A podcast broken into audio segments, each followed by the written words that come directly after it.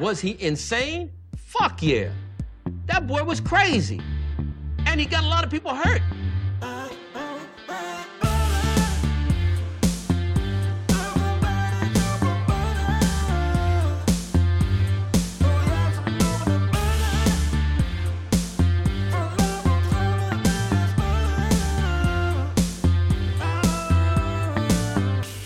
He doesn't like butter. I fucking love butter. I fucking love it. What's up, motherfuckers? Welkom bij een nieuwe aflevering van de Zonde van Je Tijd podcast. Een podcast waarin ik niet alleen mijn eigen tijd, maar ook uw kostbare tijd verdoe met absolute onzin. Ik hoop dat deze podcast u treft in blakende gezondheid. Het weer is goed, alles is goed. Op, erop, erop, erop, eraan. Ik kwam er net achter dat ik al drie afleveringen achter elkaar nummer 101 had. En het is eigenlijk alweer nummer 104. Dit is vandaag 104 of 105. Ik heb geen fucking flauw idee. Who gives a motherfucking fuck? Want het is motherfucking zonde van je tijd. 105 diep. En je moet je nagaan dat ik er al heel fucking veel eruit heb eh, gefilterd. Ik zit goed in mijn vel. Ik heb het naar mijn zin. Ik ben de laatste tijd ben ik gaan duiken in mezelf. Contact gaan zoeken met mezelf. Naar de ik. Naar de, naar, naar, naar de persoon waarom ik zo motherfucking grappen. Naar, naar, naar de essentie van mij. En ik ben erachter gekomen. Het kost me veel te veel moeite om erachter te komen wie ik ben. Het is veel te complex, veel te veel gezeik. We gaan gewoon weer lekker door. Who gives a motherfucking fuck? We pakken er een krantje erbij. Maar is er weer veel te veel fuck. Fuck, fuck, fuck, fuck, fuck, fuck, fuck. Lijkt me die Silent J en uh, Bob en Silent J. Who gives a fuck? Ah, fijn. Is het een, is het een motherfucking fuck, fuck podcast? Nee, ook niet. Helemaal niet. Het is gewoon een Zonde VDA podcast, dames en heren. De leukste krant, de allerslechtste podcast van Nederland. By far. En daar ben ik trots op. Eh, we pretenderen niet goed te zijn. We pretenderen niet de beste. We pretenderen helemaal geen fucking moe. Het is allemaal zonde van je tijd. Zonde van mijn tijd, zonde van uw tijd, zonde van iedereen's tijd. Vallen in herhaling, wat maakt het uit? Toch? Ja, toch? 75, weet je wat, fuck. We pakken er gewoon een krantje erbij. Van up 19 april. Ja. Nabestaande verkeersslachtoffers vragen Kamer om strengere regels bejaarden achter het stuur.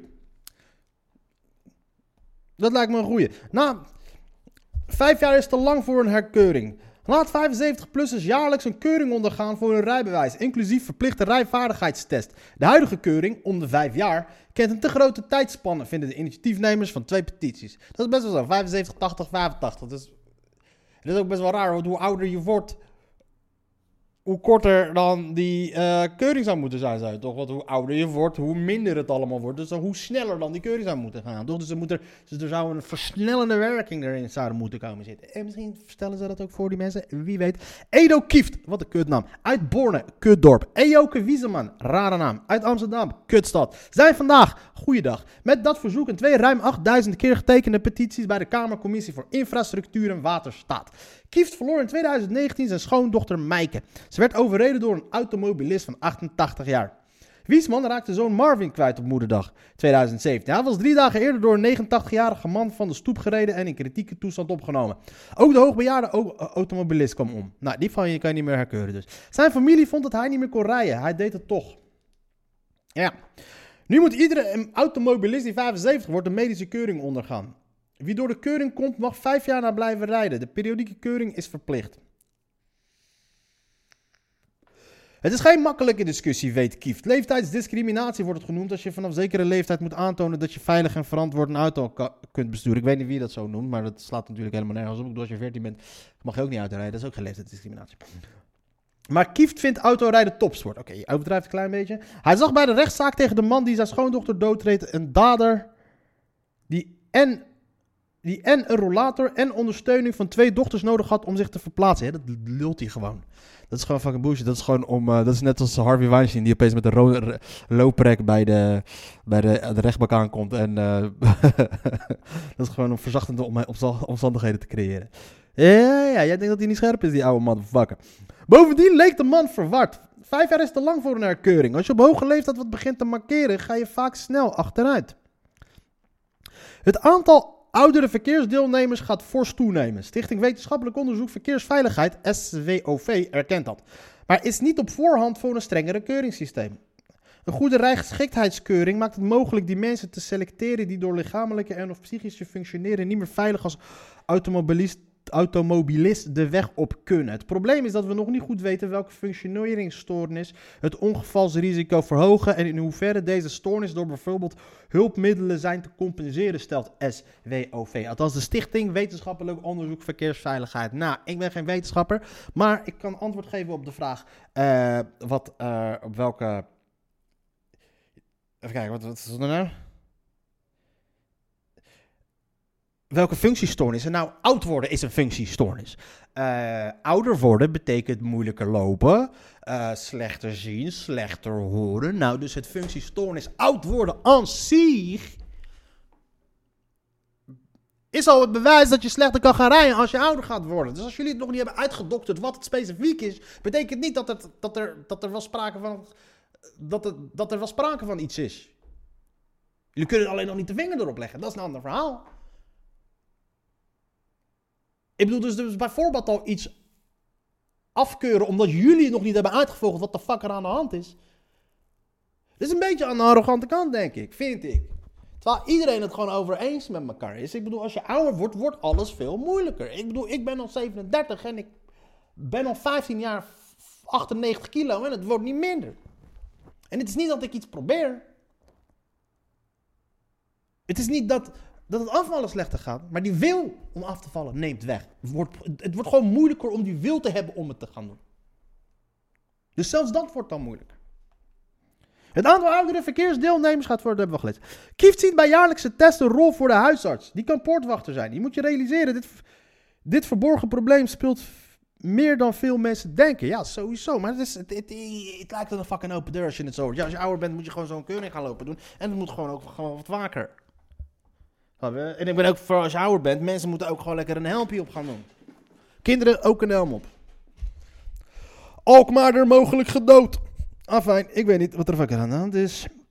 Uh, brutale nepkoper rijdt kapitale auto totaal los. Maserati dief rijdt vrouw aan en slaat over de kop.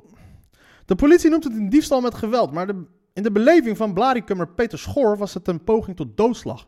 Een man stal zaterdagavond zijn Maserati Gran Turismo en reed daarmee zijn echtgenote Camilla omver.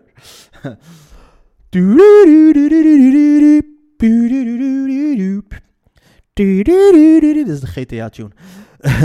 de omver. De dag na de diefstal zit Camilla Schoor in de tuin bij te komen van de schok van de aanrijding en de diefstal. Haar verwondingen vallen gezien de omstandigheden Nee, mogelijk een gebroken rib. Ah, dat is pijnlijk, gebroken rib. En een pijnlijke voet. Maar de gebeurtenissen van de vorige avond hebben er flink ingehakt. En ze is nog jarig ook. Hey, happy birthday, bitch. Leuk cadeautje, verzucht Peter Schorsien. hij, hij vindt het erger dat ze Maserati naar de malle moon is. Ze komen net bij de politie vandaan waar ze aangifte hebben gedaan van de diefstal met geweld. En ze daarna nog even gaan kijken op de schapendrift. Waar de dief een avond eerder met hun gestolen Maserati tegen een boom botste en over de kop sloeg. Ik weet niet wat de fuck er daar te zien was. Maar wonder boven wonder overleefde hij de klap, wist zichzelf uit de voertuig te bevrijden en maakte zich uit de voeten. Maar in de auto vond de politie twee mobieltjes van de man, dus hij zal wel snel gevonden worden, denkt Schort. De Blarikummer vertelt hoe hij zaterdagmiddag rond drie uur gebeld werd door de man die interesse zei te hebben in de Maserati die Schor op Marktplaats te koop aangebood voor 21.000 euro. Hij klonk vrij serieus, dus toen hij vroeg of hij lang mocht komen, stemde ik daarmee in. Hij zou er tussen 8 en 9 uur s'avonds zijn. Dat is een slecht tijd om mijn auto te verkopen, bro. Ik vond dat wel wat laat, maar bedacht me tegelijkertijd dat mijn vrouw dan ook thuis zou zijn. En dan vond ik wel een prettig idee. Hoezo? Ben je loersvullen? Rond de afgesproken tijd belde hij opnieuw dat het iets later zou gaan worden, circa half tien. Toen de tijdstip aanbrak, kreeg ik een telefoontje van hem dat hij in onze tuin bij de auto stond. Beetje raar vond ik dat wel. Waarom belde hij niet gewoon aan? Achteraf denk ik dat hij misschien geweten heeft dat er een deurbel met camera hebben. Die hij zo kan vermijden. Slimme, slimme man verzekerd. Schoor maakte meteen duidelijk dat de proefrit er niet in zat, omdat de wagen niet verzekerd is. De man ging in de auto zitten en zei dat hij wel graag het geluid van de motor wil horen. Waarop mijn vrouw zei: Zal ik de motorkap even voor je open doen, dan kun je de motor bekijken. Zij dacht: Als die motorkap open staat, dan kan hij tenminste niet wegrijden. Maar dat was niet nodig. Daarop besloot mijn vrouw, die geen angst kent, om voor de auto te gaan staan. Oké, dit is er vroeger wel om. Als je geen angst kent, dan moet je ook geen paan kennen. S'avonds een vent en s ochtends een vent. Het hielp allemaal niets, want nauwelijks... Hij schiet hem ook. Um, het hielp allemaal niets, want nauwelijks was de motor gestart of de man ging er in de auto vandoor. Daarbij rijdt hij Camille over haar voet en omver. Ook Peter Schor deed een poging de man tegen te houden door hem bij de capuchon van zijn hoodie te grijpen. Het stuk stof bleek niet bestand tegen de 440 paardenkracht onder de motorkap van de auto en scheurde af. Met de capuchon nog in mijn hand viel ik om in een conifeer. Wat is een conifeer? Een conifeer. Oh ja, eh, dat zijn die plantjes. Hey, rijke motherfucker, hè? Rijke tata's. Ondertussen scheurde de dief in de gestolen auto de straat uit en sloeg af. Daarbij raakte hij de macht over de krachtige auto kwijt en botste tegen de boom. De Maserati belandde op zijn dak. Die man is er vast nog niet ongeschonden uitgekomen, denkt Schor. Voor de Blaricummer is het diefstal... dub- oh ja, Blaricum, ja. De dubbele pech. Niet alleen is de wagen niet verzekerd, oh ja. Maar hij had hem gekocht om de coronaverliezen die hij had geleden met zijn bedrijf Used Product Hilversum een beetje goed te maken. Oh, dus je zou bijna denken dat je een experiment in het verkopen van tweedehands goederen, maar kennelijk dus niet. Ik ben geen autohandelaar, maar kon in de VS deze Maserati uit 2008 met een nieuwwaarde van 2 ton tegen een goede prijs kopen. En zag daar in handel in. De auto stootte los, ja. Maar als jij dus een vakje koopt voor 2 ton met 2 ton heeft koopt voor 2 10, oké.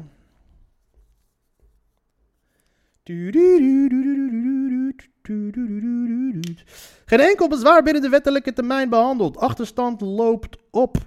Het zou waarschijnlijk weer over de misfunctioneren gaan van onze overheid, die waarschijnlijk helemaal geen ene De afhandeling van bezwaren bij de compensatie voor de toeslagenaffaire loopt helemaal vast. Het duurt inmiddels gemiddeld meer dan een jaar voordat de klacht helemaal door de administratieve molen is gegaan en de achterstand dreigt alleen maar op te lopen.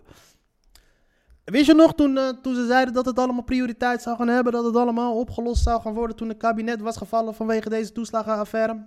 They don't give a fuck. Nieuwe Russische offensief begint in het oosten. Want zij komen zelf uit het oosten. Dus voor hun, vanuit hun perspectief, gebeurt het in het westen.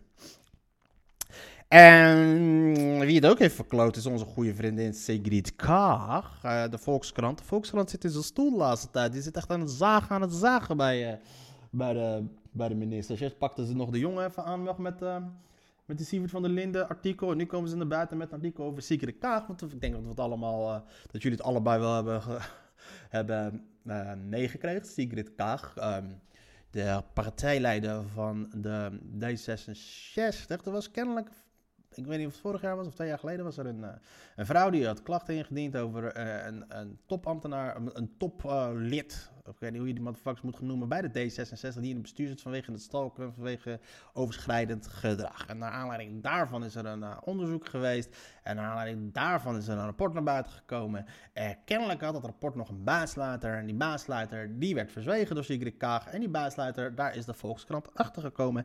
En daarin stond waar Sigrid Kaag vorig jaar op de televisie beweerde dat er eh, kennelijk niks aan de hand was, plekte dat er in de bijsluiter staat dat er wel wat aan de hand was. Dus ik snap niet hoe dat, wat, eh, een bijlage. In een bijlage zou eigenlijk een soort van, ehm, de- de- je stuurt je dus een artikel op en als bijlage waarin staat dus dat het tegenovergestelde stuurt. Dus dat is in principe de, de, het doel van die bijlage. En kennelijk is dat natuurlijk expres gedaan om ervoor te zorgen. Er is een hoofdrapport en er is een bijlage. De hoofdrapport die laten we zien aan Kaag en de bijlage die laten we niet zien aan Kaag. Althans, dat is het idee erachter. Kaag heeft ze natuurlijk allebei gezien. En, eh, maar Kaag kan nu wel beweren dat ze die andere niet heeft gezien. Maar we gaan even lezen van eh, wat er aan de hand is. Gaat ze weggaan? Gaat het gevolg voor haar hebben? Natuurlijk niet. Onder meer bestuursleden en gemeenteraadsleden eisen dat partijleider Sigrid Kaag snel een verklaring geeft over het gedrag van partijprominent Frans van Drimmelen. Het D66, dat woord was zocht ik dus. Partijprominent. Het D66-bestuur geeft daar gehoor aan. Ruim 180 D66'ers eisen dat partijleider Sigrid Kaag en het partijbestuur binnen een week met een nieuwe verklaring komen over de verborgen gehouden grensoverschrijdend gedrag van partijprominent Frans van Drimmelen. Jezus, wat een lange zin. Dat blijkt uit een open brief die sinds zondagavond in de partij rondgaat. Vooralsnog ondertekenen prominente D66 de brief nog niet, want ze moeten eerst afspreken wat ze gaan doen. Want dat is werkt, hoe het werkt bij prominente motherfuckers. Maar deden vooral bestuursleden, afdelingsvoorzitters, raadsleden, lokale fractievoorzitters en de provinciale statenleden dat wel. De lijst met ondertekenaars wordt met het uur langer. En het feit dat er in Den Haag dus niet mee wordt geregeerd, dus die zit op een hele andere level dan de mensen in het land. Zoals in Den Haag, de T66 in Den Haag, dat is een machtspartij. En bij de macht horen eh, intriges, horen spelletjes, horen complotjes, horen, horen geheimen, horen dingetjes. En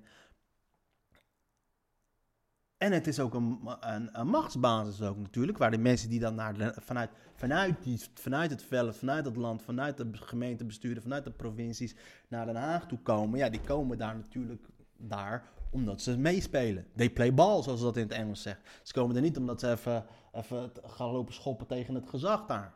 Of, of, dat, of herrie in de tent gaan schoppen. Dus het is logisch dat er vanuit Den Haag niet op wordt gereageerd. Want die groep is samengesteld uit de mensen die uitgekozen zijn. Hoogstwaarschijnlijk ook nog door deze Franse drempel. Die hebben die mensen uitgekozen. De, de, de leiding in Den Haag heeft de mensen uit Den Haag samengekozen. En die hebben ze niet uitgekozen omdat ze kritisch zijn... of omdat ze het lef hebben om tegen hun in te gaan, et cetera, et cetera. Dus dat verklaart waarom dat soort dingen voornamelijk altijd uit de provincie komen... uit, uit, uit de lokale afdelingen, et cetera. En uiteindelijk is het natuurlijk Den Haag die zelf bepaalt van wat er gaat gebeuren met Sigrid Kaag. En Sigrid Kaag gaat niet weg. Sigrid Kaag doesn't give a fuck. Sigrid Kaag is... eh, ik, denk dat ze, ik, ik, denk dat ze in haar hoofd echt sowieso heeft... "Yo, Ik ben de enige die het land kan gaan redden. En binnenkort neem ik het over van Mark Rutte. Ehm, initiatiefnemers van de oproep zijn afdelingvoorzitter Daphne Ploegstra en Jelle Ages, vertrouwenspersonen van de Jonge Democraten.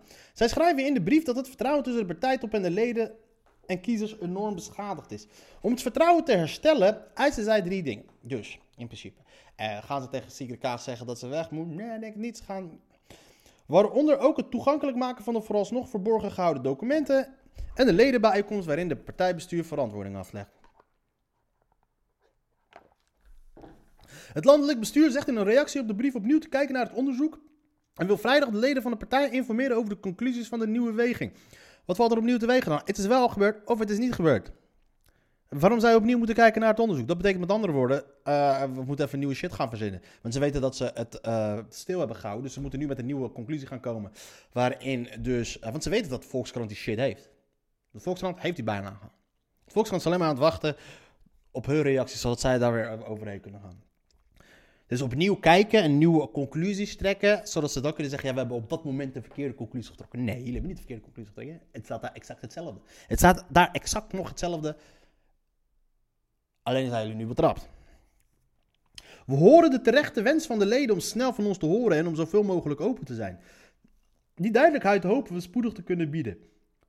Dus ze kunnen nog ineens nu al open zijn over het feit of ze op de vraag of ze wel of niet open willen zijn. Daarna zijn, we, daarna zijn we zeer bereid om met de leden in gesprek te gaan. Van Drimmelen heeft inmiddels zijn werkzaamheden bij de adviesbureau Dreuger en Van Drimmelen voorlopig neergelegd. Ja, boeiend. Het staat dus nog steeds aan het adviesbureau, gaat nog steeds centen verdienen. Blijkt uit een verklaring van dat bedrijf. Afgelopen zaterdag kwam de Volkskrant in een artikel terug op een onderzoek door bureau Bing naar grensoverschrijdend gedrag binnen de D66, waarbij onze collega Frans genoemd wordt. De situatie is uiterst pijnlijk, verdrietig en schadelijk voor alle betrokkenen. Al dus de verklaring. Binnen ons bureau is door de partners over de publicaties en de ontwikkelingen daaromtrent gesproken. Na dit overleg is gezamenlijk besloten dat Frans zijn werkzaamheden voorlopig neerlegt.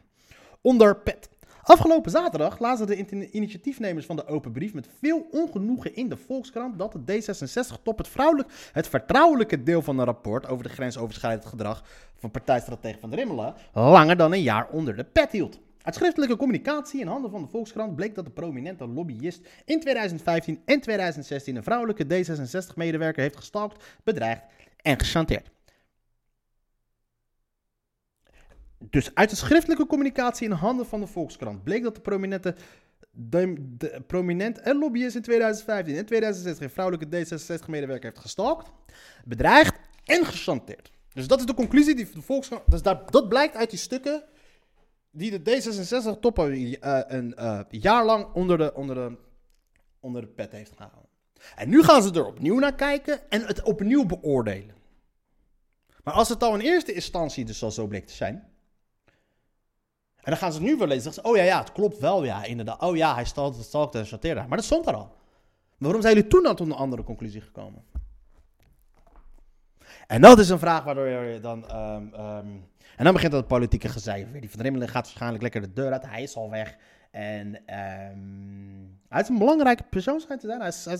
Hij schijnt als scout te werken. Sigrid Kaag schijnt dus haar plek te danken hebben aan deze kerel.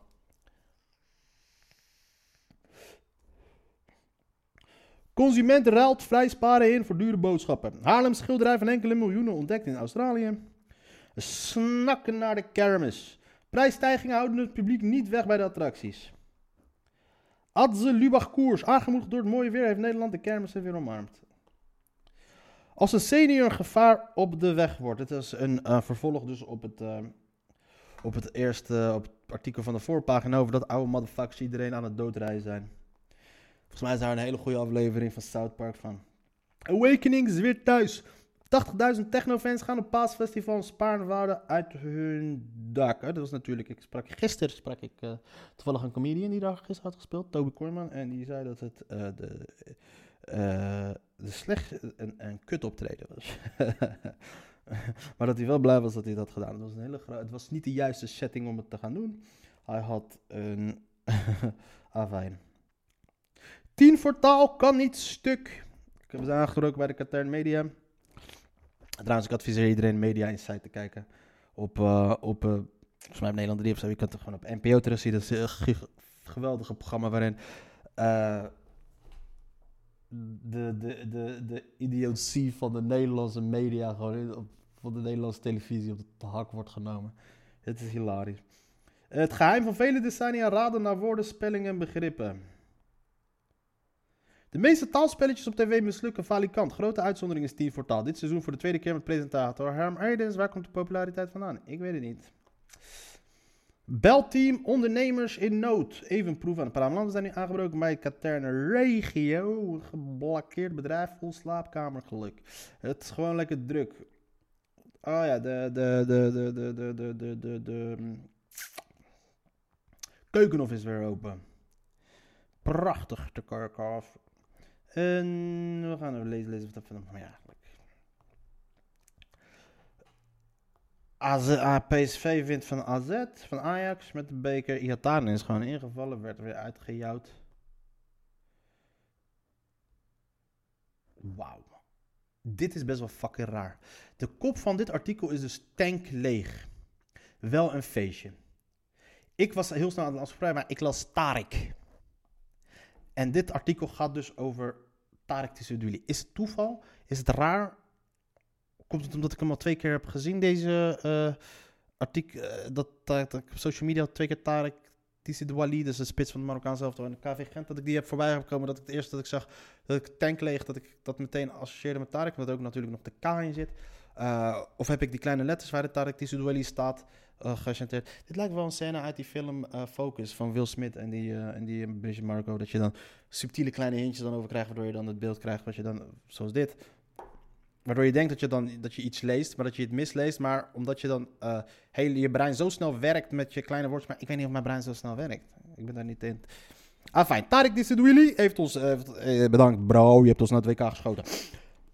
Een hoofdrol in de bekerfinale tegen Anderlecht zat er niet in voor Tarek Le die leeg gespeeld in de verlenging aan zich voorbij moest laten gaan. Maar de gewonnen Kroger Cup was voor de 29-jarige Amsterdammer wel de bekroning van het topseizoen met A-agent. Tarek Tissadouili, ooit begonnen bij Telstar, maakte dit seizoen 25 goals voor de Koninklijke Atletiek Associatie Gent. En heeft de interesse van grote clubs gewekt, waaronder Valencia. Hij reageerde uitbundig naar de bekerzege. Het is gelukt, hier hebben we hard voor gewerkt. Dit was de enige manier om het seizoen goed af te sluiten. Ik wil meer en meer en meer prijzen winnen. Ik ben echt blij.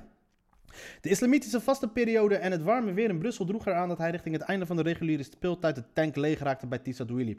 Al had de Marokkaan speciaal voor de finale dag wel gegeten en gedronken. Het is Ramadan, ik heb gewoon geen kracht. Je probeert het te doen, maar het was onmogelijk. Ik voelde bij de rust dat ik energieloos was. Ik kreeg rond de 60ste minuut krampen. De grote finaleheld van de Buffalo's, zoals de bijnaam van de Gentse voetbaltrots luidt, was notabene een oudspeler van Anderlecht. Doelman... Eh,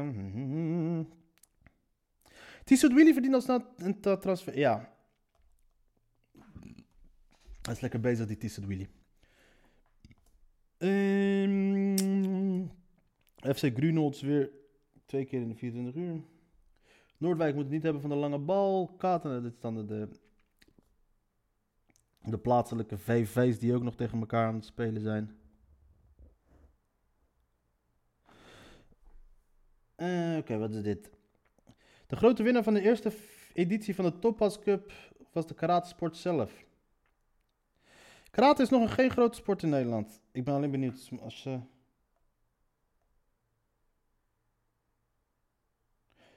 Uh, Er is hier in Leiden een hele goede karateschool die echt met alle prijzen er vandoor gaan en zo. Maar die worden hier niet benoemd, dat vind ik wel jammer. Het is Leidse Dagblad, praat met die gasten. En dikke shout-out naar eh, Ben en Boek. Sportscholen. Ehm, nou, dit was de Leidse Dagblad. Verdachte voor aan, van aanleggen mega wapenloods in Schuurtje. Waar de fuck is dit in Leiden? Dit is aan de Rijn. En nou, dit was in principe het nieuws tot eh, wat er actueel was tot aan, ehm hoe heet dat, drie uur of zo. S'nachts. Pakken we even dus erbij. Wat de fuck hebben we allemaal? Wat is er nog meer in het nieuws vandaag? Wat is er daarna gebeurd nadat de krant is gedrukt? Wat is er toen eh, gebeurd? Zoals jullie weten, er moet de tijd voor gepraat worden. Ja, wat staat? SCOA heeft voor 300 asielzoekers voor vannacht nog geen slaapplek. Rusland beweert geen kernwapens te gaan gebruiken in Oekraïne. Nou, dankjewel man. Dat, voelt, dat, dat is ook goed nieuws. Drie broers Circus Rens opgepakt wegens poging tot moord in Hamburg. Een speciale politieteam heeft maandagmiddag in Arnhem drie Duitse mannen opgepakt op verdenking van poging tot moord in Hamburg aan het begin van 2021. De mannen werden tegelijkertijd op hun werkplek gearresteerd. Motherfuckers werken waar Wat zijn dat? Trapeze motherfuckers? Clowns? Volgens de Gelderlander vonden de arrestaties direct na een middagvoorstelling van Circus Rens International in Arnhem plaats. Het zou gaan om drie broers uit de bekende circusfamilie. De politie en een woordvoerder van Circus konden dit niet aan nu.nl bevestigen. De politie zegt twee mannen, dat twee mannen, 21 en 26 jaar oud, de man in Hamburg mishandelden met stokken en een boksbeugel. De derde arrestant, 36, stond op de uitkijk. Het slachtoffer zelf zag, kan, zag kans zichzelf te begrijpen. Hij liep ernstig hoofdlast op. Was het een mishandeling of was het niet gewoon een nieuwe truc die ze aan het oefenen zijn? Ik slap je op je... Ik slap je op je moeder met een baseballknuppel en je kan later gewoon opstaan. Tegen de drietal liepen... eh, Oké, het is het Europese arrestatiebevel, dus het was gewoon letterlijk serieuze shit. De drie gearresteerde mannen zitten vast. Ze zullen overgeleverd worden aan de Duitsland voor het vervolg van het onderzoeken naar de poging tot moord. Ik wil wel weten wat, eh, wat hun... eh, wat Deden ze de trapezes of deden ze... ehm,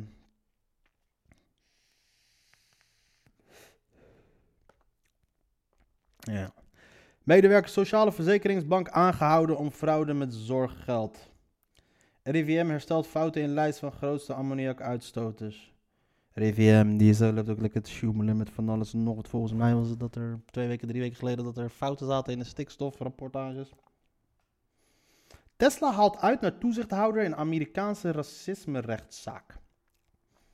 Tesla beschuldigt een Californische overheidsinstantie van machtsmisbruik. Nadat deze, nadat deze toezichthouder het bedrijf had aangeklaagd om vermeend racisme. De fabrikant van elektrische auto eist dat de toezichthouder de rechtszaak sta- staakte. In een nieuw rechtbankdocument document doet het bedrijf zijn beklag over het Department of Fair Employment and Housing. Het is opgericht om zaken als discriminatie op de arbeidsmarkt tegen te gaan. Deze instantie kwam met zware beschuldigingen over racisme in fabrieken van Tesla, maar heeft dat volgens het bedrijf niet grondig onderzocht. Die FIH voerde een provisorisch onderzoek uit zonder belangrijk getuigen te ondervragen. Belangrijk document op te vragen of ooit een stap in de fabriek in Fremont te hebben gezet, schrijft de advocaat van de autofabrikant.